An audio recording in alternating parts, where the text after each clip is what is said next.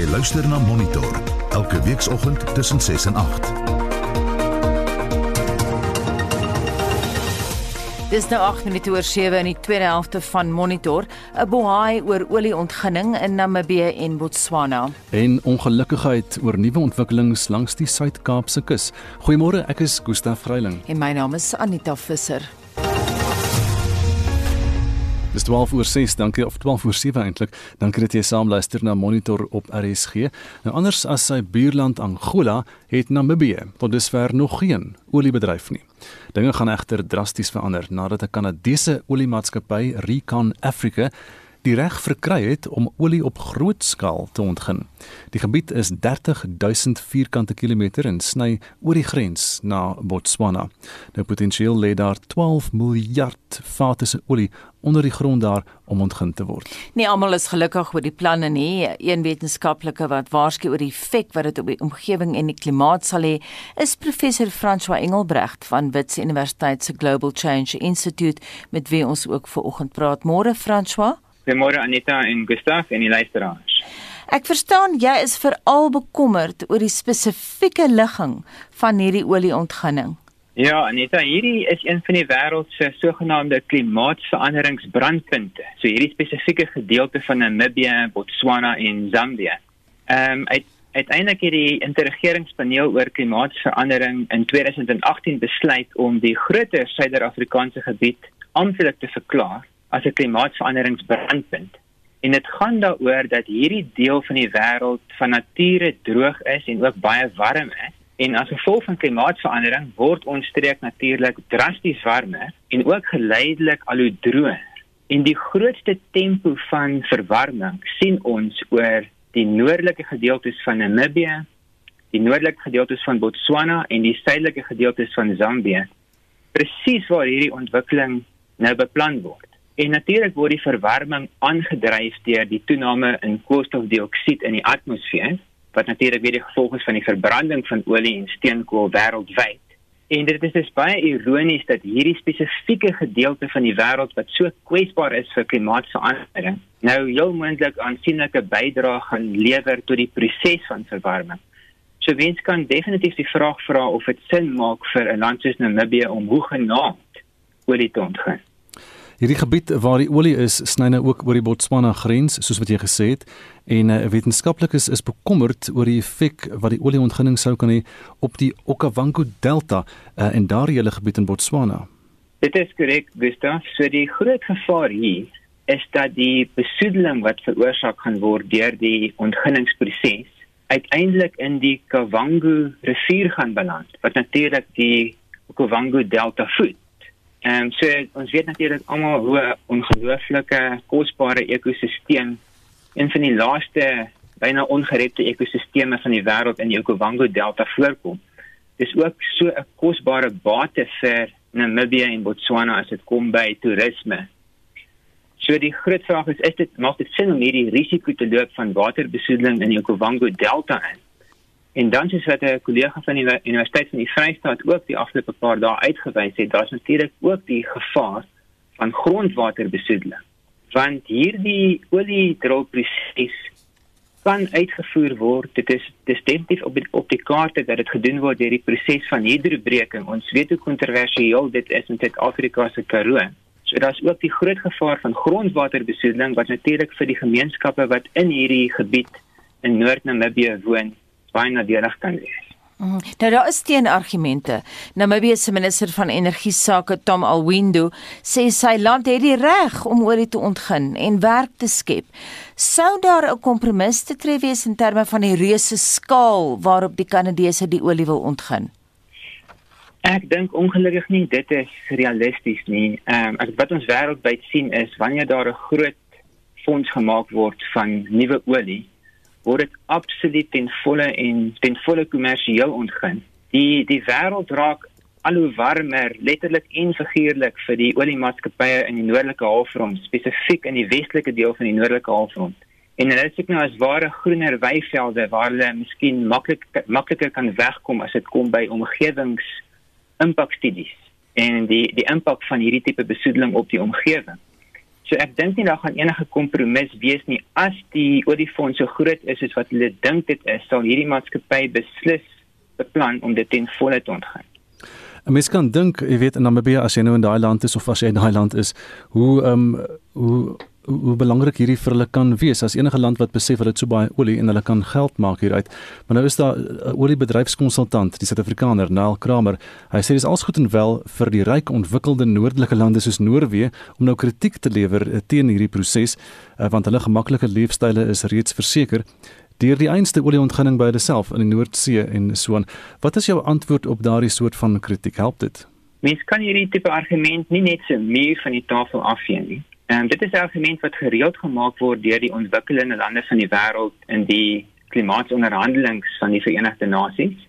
En selfs China maak gereeld hierdie einste argument. En dit gaan oor die beginsel van klimaatregverdigheid, soos wat dit bekend staan in die taal van die Parys-ooreenkoms oor klimaatsverandering. Dit is absoluut waar dat die lande wat reeds al sedert die 1800s die voordele geniet het van die ontginning van en die verbranding van fossielbrandstowwe en wat werklik die wêreldekonomie opgebou het met behulp van die fossielbrandstowwe. Hierdie lande het 'n verantwoordelikheid om die ontwikkelende lande van die wêreld te help finansiëel te help spesifiek om eerder 'n hernubare energie ontwikkelingspad te volg. Nou die Parys-ooreenkoms maak maak maak voorsiening vir hierdie beginsel, maar die implementering daarvan is tot nou toe absoluut onte ontoereikend. Dit is heeltemal onvoldoende. En ek dink as ons nou nader kom aan die COP26 klimaatskonferensie van laat hierdie jaar of vroeg volgende jaar, dan gaan hierdie 'n absolute brandpunt wees in die besprekings, want as hierdie sogenaamde groen klimaatfondse nie gaan begin vloei na lande soos Namibië nie, dan gaan hulle natuurlik hierdie korttermyn voordeel kies van die verbranding van olie en steenkool. Ek wil net terugkom na die effek op die klimaat en ek wil hê jy moet bietjie meer daarop uitbrei want die effek van die olieontginning op die langtermyn. Hoe gaan daai effek op die klimaat lyk? Like, gaan dit die strooitjie wees wat die klimaatkameel se rug breek? Ja, projekte soos hierdie, um, indien dit wêreldwyd voordeel voortduur, gaan ons dit nie regkry om die mees gevaarlike impakte van klimaatsverandering te voorkom nie.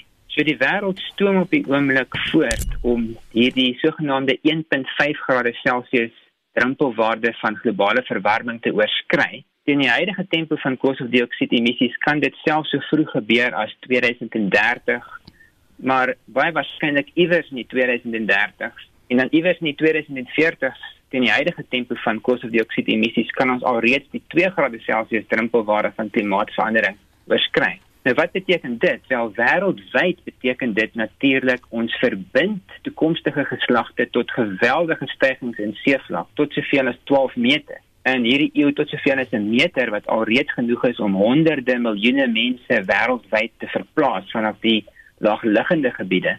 Maar hier by ons in Suid-Afrika beteken dit meer gereelde droogtes, meer gereelde hittegolwe en iewers tussen 2 en 3 grade Celsius van globale verwarming verwag ons 'n sogenaamde omslagpunt waar dit waarskynlik onmoontlik kan raak om verder met beeste te boer in hierdie warm gebiede van Oos-Namibië waar die hele wildbedryf van Namibië um, in gevaar is om in duie te stort.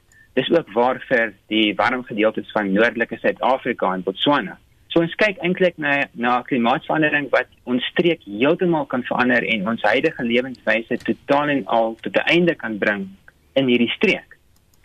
So weer eens kan ek dan die vraag vra, moet Namibië hulle langtermyn volhoubare bedryf, hulle die die beestebedryf, die wildbedryf, die baie belangrike toerisme, is dit moeite werd om hierdie langtermyn volhoubare bedryfspotensiaal op die spel te plaas?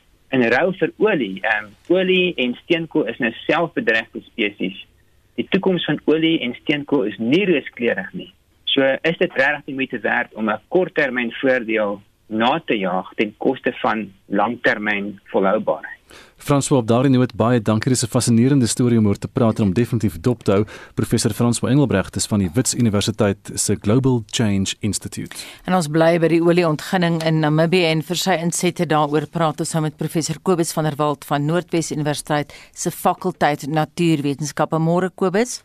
Goeiemôre Anita. Jy het nou geluister na alles wat Fransja te sê het. Wat sal die impak van ontginning wees spesifiek op Botswana se Okavango Delta? Nou kyk die die oliemaatskappye gee voor uh wêreldwyd dat hulle ehm um, die hulle aktiwiteite baie omgewingsvriendelik uitvoer deesdae en baie is ook ernstig daarmee.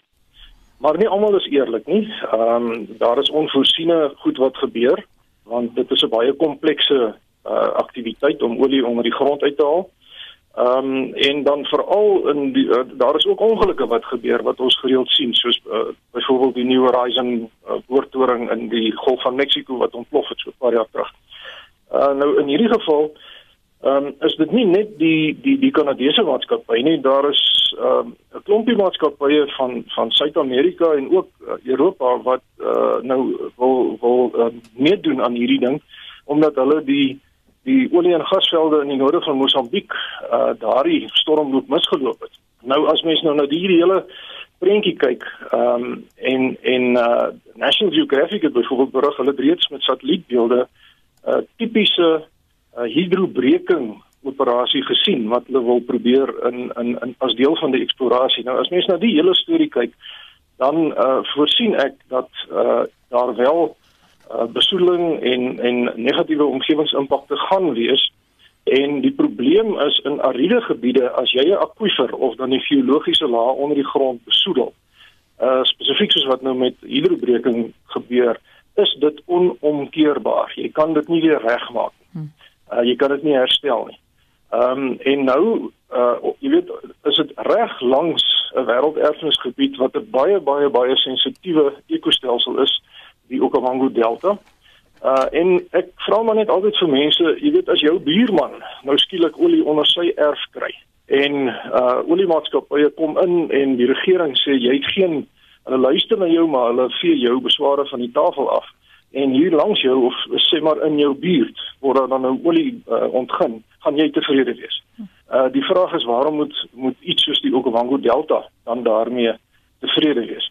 En ongelukkig, julle het reeds die syfers genoem. Ek het so 'n bietjie sommetjie gaan maak as mens kyk na 60 dollar per vat olie, die die tans is dit 70 dollar, maar kom ons vat maar 60 dollar.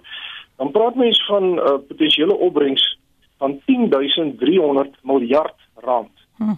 Nou, nou dis 'n geweldige klomp geld en natuurlik die politici sit nou met begeerige oë en kyk want dit kan uh jy weet hulle baie voordelig stem uh as hulle uh, die syfers wat genoem word is, is tussen 3 en 10% van daardie geld gaan dan uh, betaal word aan die regerings plus uh, iets soos 'n 35% belasting op die wins.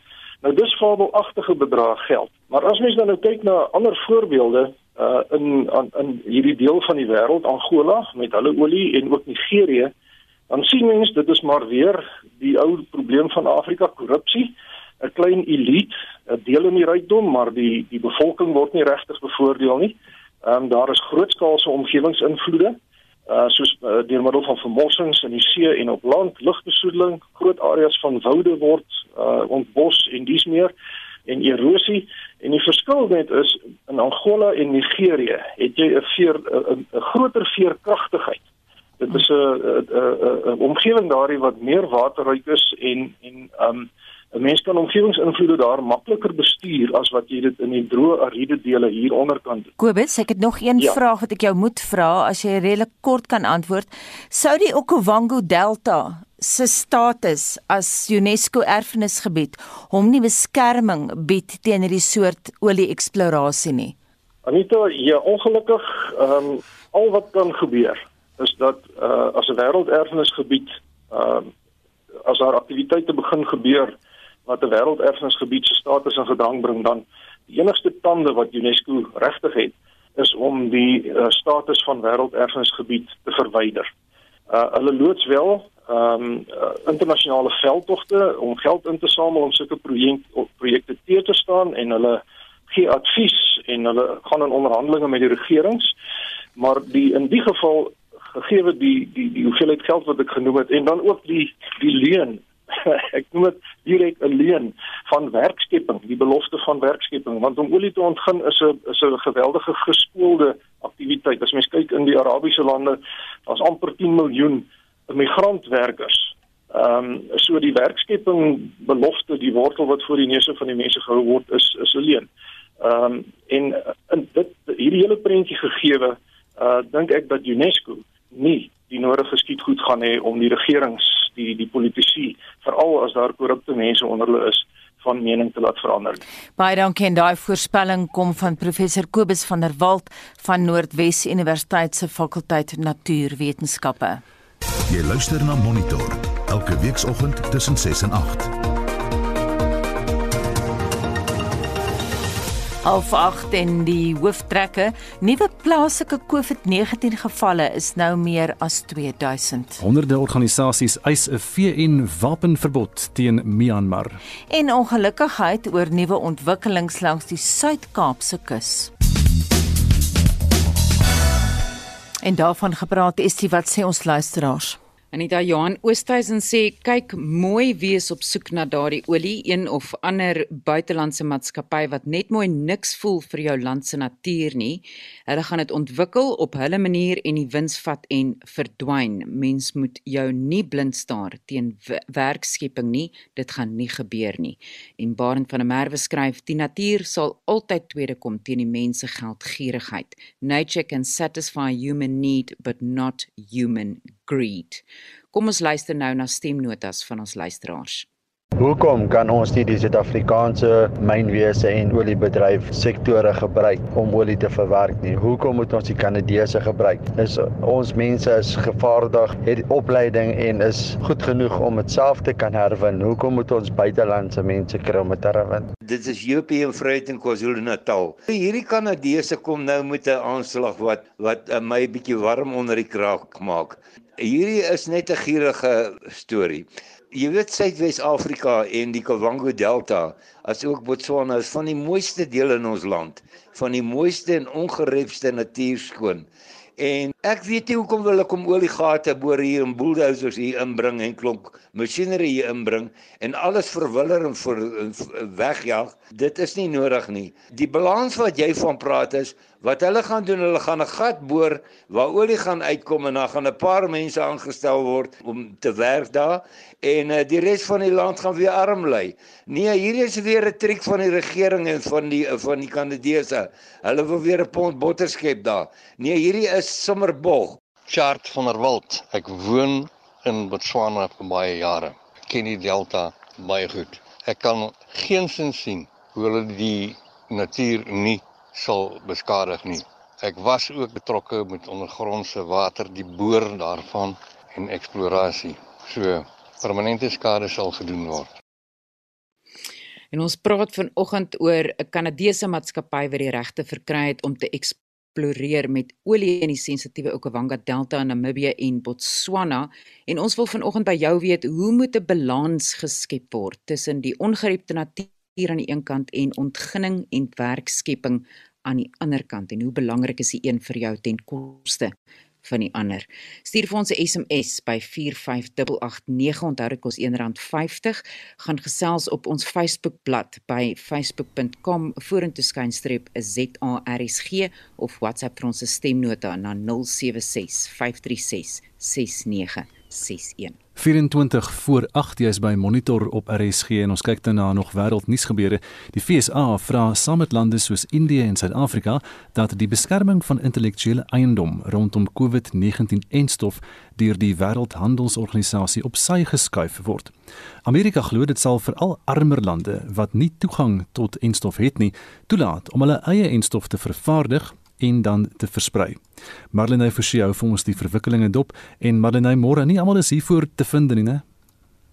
Nee, Gustav, veral nie die markte nie. Pfizer en Moderna, die enstowwe wat in Amerika vervaardig word, se aandele het kort na die aankondiging gedaal. En dit nou terwyl lande soos Indië en Brasilië nie toegang tot enstof het nie, hulle inentingskoers bly laag en hulle hospitale en lijkhuise kan nie die las van gevalle hanteer nie. Hulle mag nie die enstof in hulle lande vervaardig nie, juis weens die beskerming van intellektuele eiendom deur groot farmaseutiese maatskappye. Die FSA sê nou buitengewone tye noodsaak buitengewone optrede. Regskenner aan die Universiteit van Utah, professor George Contreras, het as volg gereageer. It's a really uh, surprising and unprecedented move by the U.S. Department of State and the, uh, the U.S. government, which has usually been quite protective of intellectual property rights. Die Wêreldgesondheidsorganisasie bestempel Amerika se standpunt as 'n geskiedkundige oomblik, aldus Dr. Mesvin Tessema, die WHO se direkteur vir die komitee van gesondheid en internasionale reddingspogings. A virus that is spread anywhere uncontrolled would be at risk of mutating and developing new variants, which is going to be coming back to haunt those who have managed to control the spread. Die farmaseutiese maatskappye sing egter 'n ander dingetjie. Thomas Queni van die Internasionale Federasie van Farmaseutiese Vervaardigers en Verenigings som hulle bekommernisse so op. It disrupts, it distracts from tackling the real challenges, which are trade barriers, including from the US, disrupting supply chains. It uh, prevents the immediate tackling of the bottlenecks in the supply chain, the scarcity of raw materials. Intussen gaan daar na raming teen die einde van die Julie maand sowat 300 miljoen oortollige dosisse en stof in Amerika wees waar kinders nou al teen die virus ingeënt word. Die EU en Brittanje sê intussen hulle ondersteun nog nie Amerika se standpunt dat die beskerming van intellektuele eiendom rondom COVID-19 en stof opgehef word nie. Ons het vanmiddag so 12 uur se kant op Spectrum meer reaksie in die verband. Nou iets heel anders in Frankryk neem verskeie vissermanne vandag deel aan vredesame protesoptredes omdat hulle na bewering verhoed word om in Britse waters vis te vang. Ja, hulle skepe vaar op die oomblik na die eiland Jersey van waar lisensies om vis te vang uitgereik word. Nou die vrees is dat hulle belangrike roetes gaan versper met die gevolg dat Brittanje 'n koninklike vlootskip ontplooi het om die situasie te monitor en Frankryk het ook gewaarsku dat kragtoevoer na die eiland gesny sal word indien enige ontwrigtinge plaasvind en ons monitor gebeure daar. En ons verskuif nou die aandag na Hong Kong waar die pro-demokrasie aktivis Joshua Wong se tronkstraf met 10 maande verleng is. Ja, en drie ander aktiviste is skuldig bevind op aanklagte van 'n onwettige samekoms tydens die inperkingstyd. Dit hou verband met 'n gedenkdiens van die 1989 massamoord op die Tiananmen plein in Beijing. Nou op 4 Junie van daardie jaar was sowat 'n miljoen studente daar besig om weermagbrigades in China te verhoed om verby te gaan. Dis nou tydens pro-demokratiese betoging daar. Sowat 10000 mense is dood. Nou Wong se gedenkdiens verlede jaar in Hong Kong Kong is hier duisende mense bygewoon en nou bring hy 2 jaar in die tronk deur. Marlene Forsie met vanoggend se internasionale nuusgebeure. Die Universiteit van die Vrystaat het 'n akademie vir veeltaligheid daargestel om die tale Sesotho, isiZulu en Afrikaans te bevorder. Die akademie wil akademiese voortreffelikheid in 'n vriendelike omgewing vir al die studente op die drie kampusse verbeter. Die kurator van die akademie, Dr Piet van Aart, sê die akademie spruit uit die behoeftes van die studente.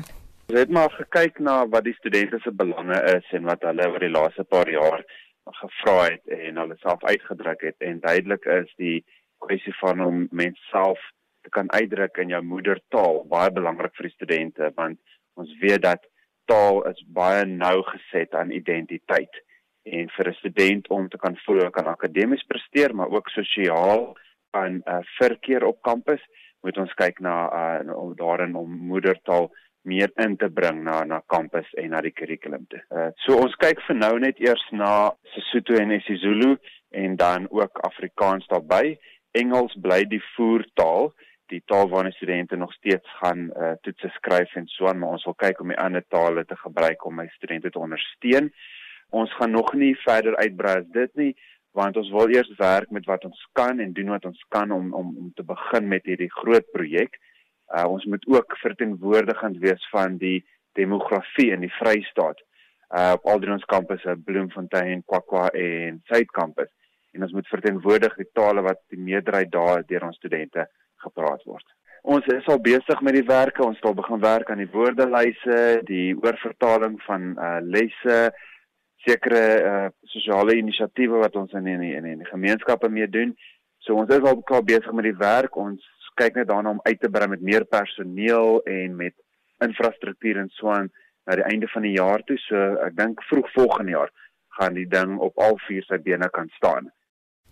En dit dan uh, Dr Piet van Aart, hy is die kurator van 'n nuwe akademie by die Universiteit van die Vrystaat. Gemeenskapsaktiviste by Pakkelsdorp in George in die Suid-Kaap sê hulle steun nuwe ontwikkelings aan hulle ongerepte kuslyn.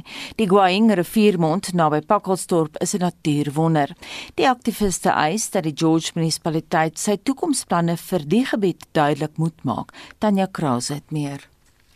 Plaaslike inwoners en besoekers geniet reeds jare lank die natuurlike skoonheid van die omgewing. Dit is ook 'n heilige plek vir die inheemse Khoisan bevolking wat hul godsdienstige rituele hier uitvoer. Terwyl daar restaurante en vakansiehuise by die gewilde Harold's Bay en Victoria Bay is, het die Gwaing riviermond slegs 'n klein karavaanpark. Inwoners sê egter dit ontvang nie dieselfde dienste as die ander strande nie. Die Gwaing aksiegroep se Blanche Benjamin sê hulle is gekant teen enige nuwe ontwikkelings in die gebied. Ons grootste bekommernis oor hierdie plek is privatisering. Ons wil nie privatisering sien nie. Ons wil ook nie hê dat hierdie plek moet net so ongerep bly. Ons wil nie hê hier moet groot hotelle en restaurante en so aan nie. Ons concern ook is op die huidige oomblik dat 'n uh, Gwangrivier is vir 30 jaar nog nooit op 'n budget, 'n munisipale budget nie.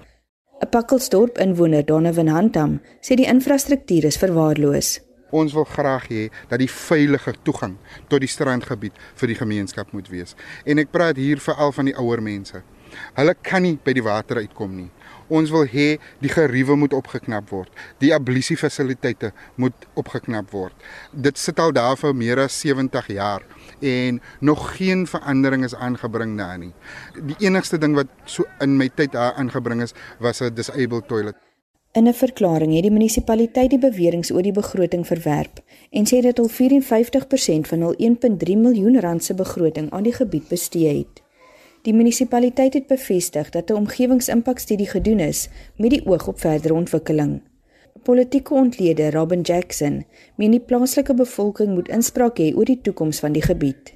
Die gemeenskap se erfenis word bedreig deur die owerhede en munisipaliteit wat nie baie oop kaarte speel of deursigtig is met voorgestelde private ontwikkeling in die area nie. En dit gee ook nou uiting tot uh, omgewingsgesprekke en omgewingsbekommernisse van hierdie area. En al wat hierdie mense in die gemeenskap vra is dat hulle erfenisbehoue moet bly en dat hulle hulle eie plekkie in die son kan geniet.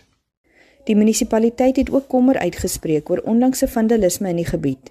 In 'n reaksie hierop het die Gwaing aksiegroep gevra vir meer wetstoepassers en polisiepatrollies, sowel as kringtelevisiekameras.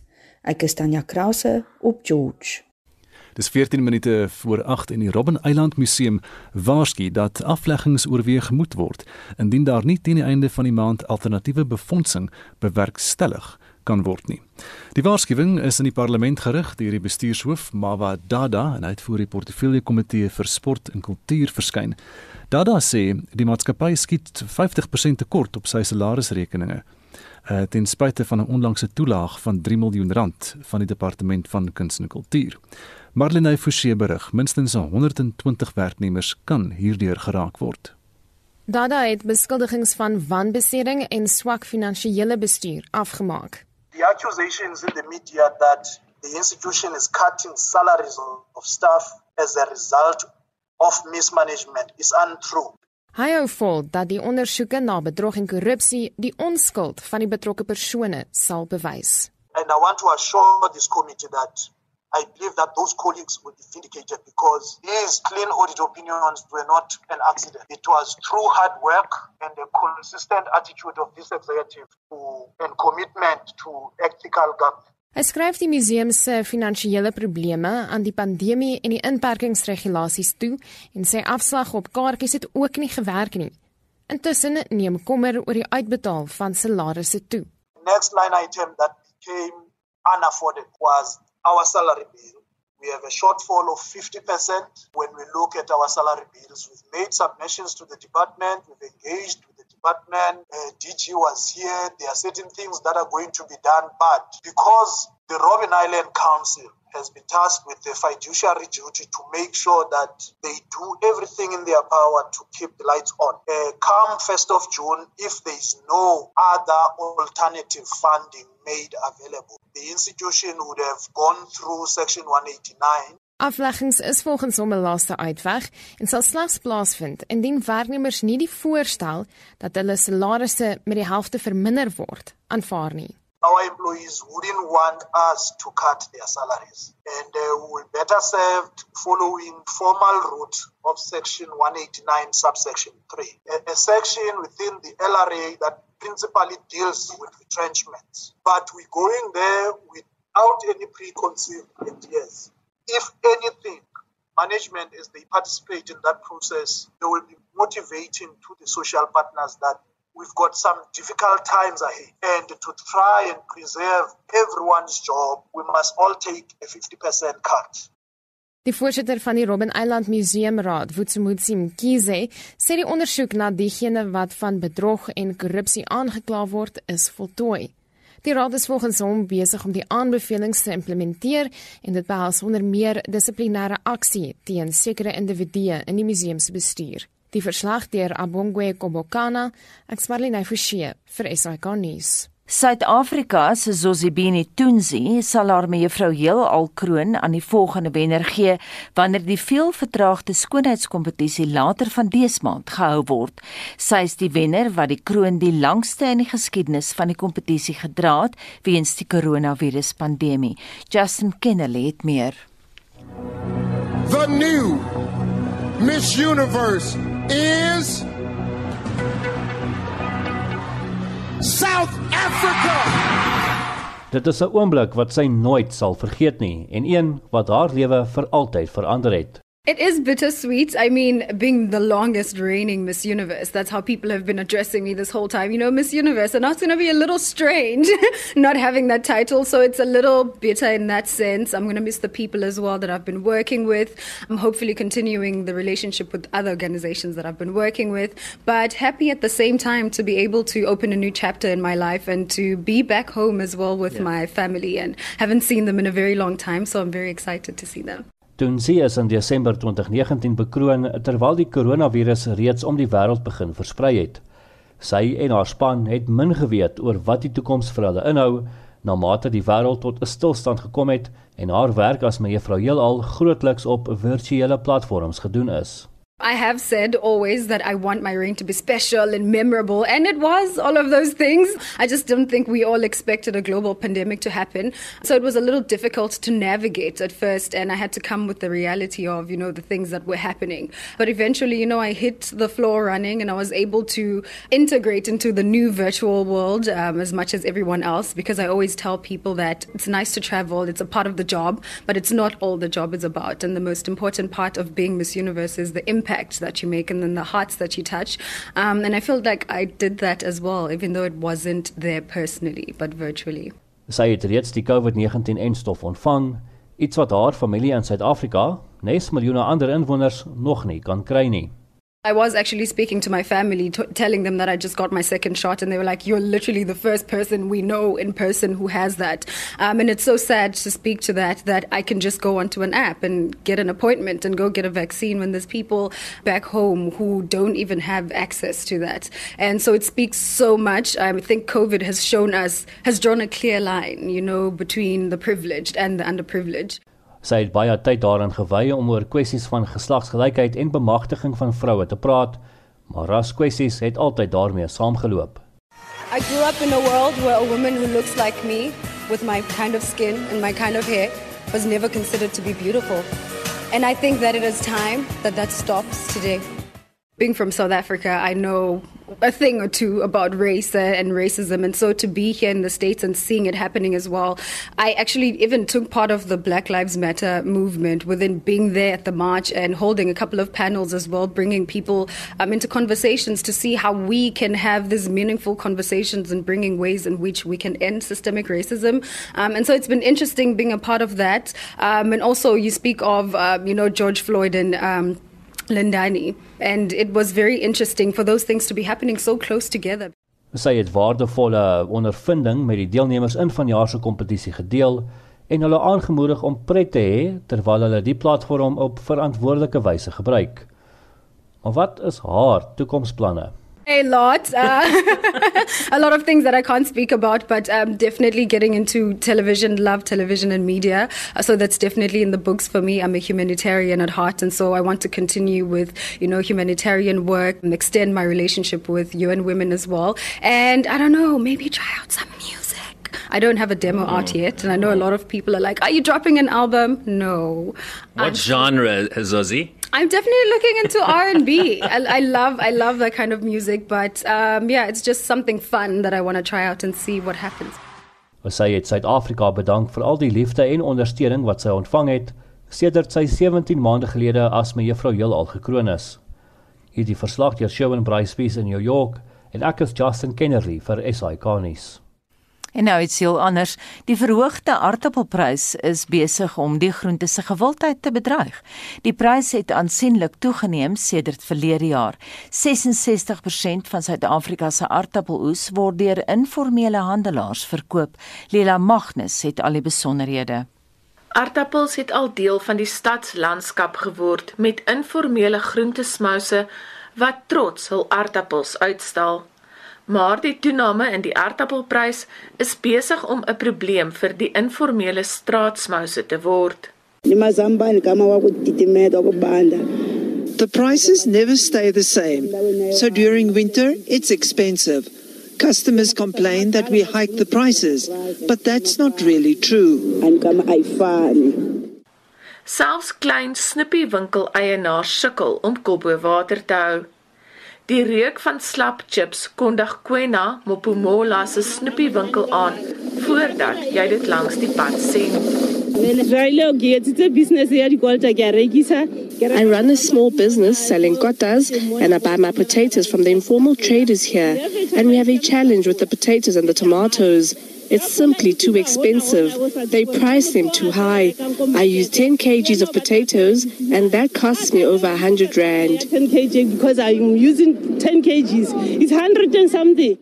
Sy moes die prys van haar kotas wat 'n uitgeholde kwart brood met slap chips in is, verhoog omdat die aardappelprys so gestyg het.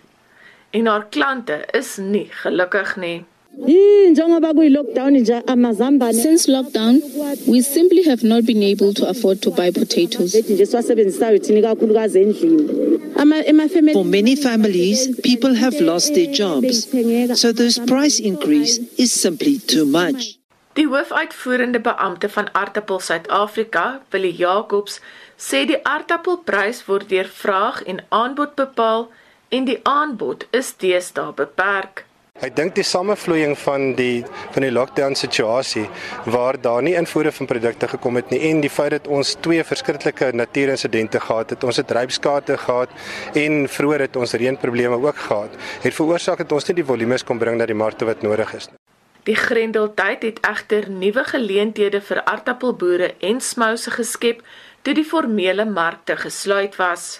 Dit was vir ons belangrik van die boerderygemeenskap om eintlik tot hulle koneksie te maak. Die beginsel dat die mark toegang verminder het, het gewys dat ons eintlik direkte verkope gehad het wat op 'n stadium statisties meer geraak het as wat die markverkope geraak het. So die boere in die informele mark het mekaar direk gevind. Ek dink jy weet as jy 'n rivierstroompie kry wat 'n nuwe pad gekry het, dan raak hy net sterker na roete. Jacobs is opgewonde oor die rol wat die aardappelbedryf in Suid-Afrika se landbou kan speel en sê hulle het reeds planne in plek om die sektor te transformeer omdat slegs 1% van die sektor reeds getransformeer is. As 'n bedryfsorganisasie spandeer ons meer as 20% van ons heffing wat ons kry deur die wet op die transformasieprojekte wat ons besig is.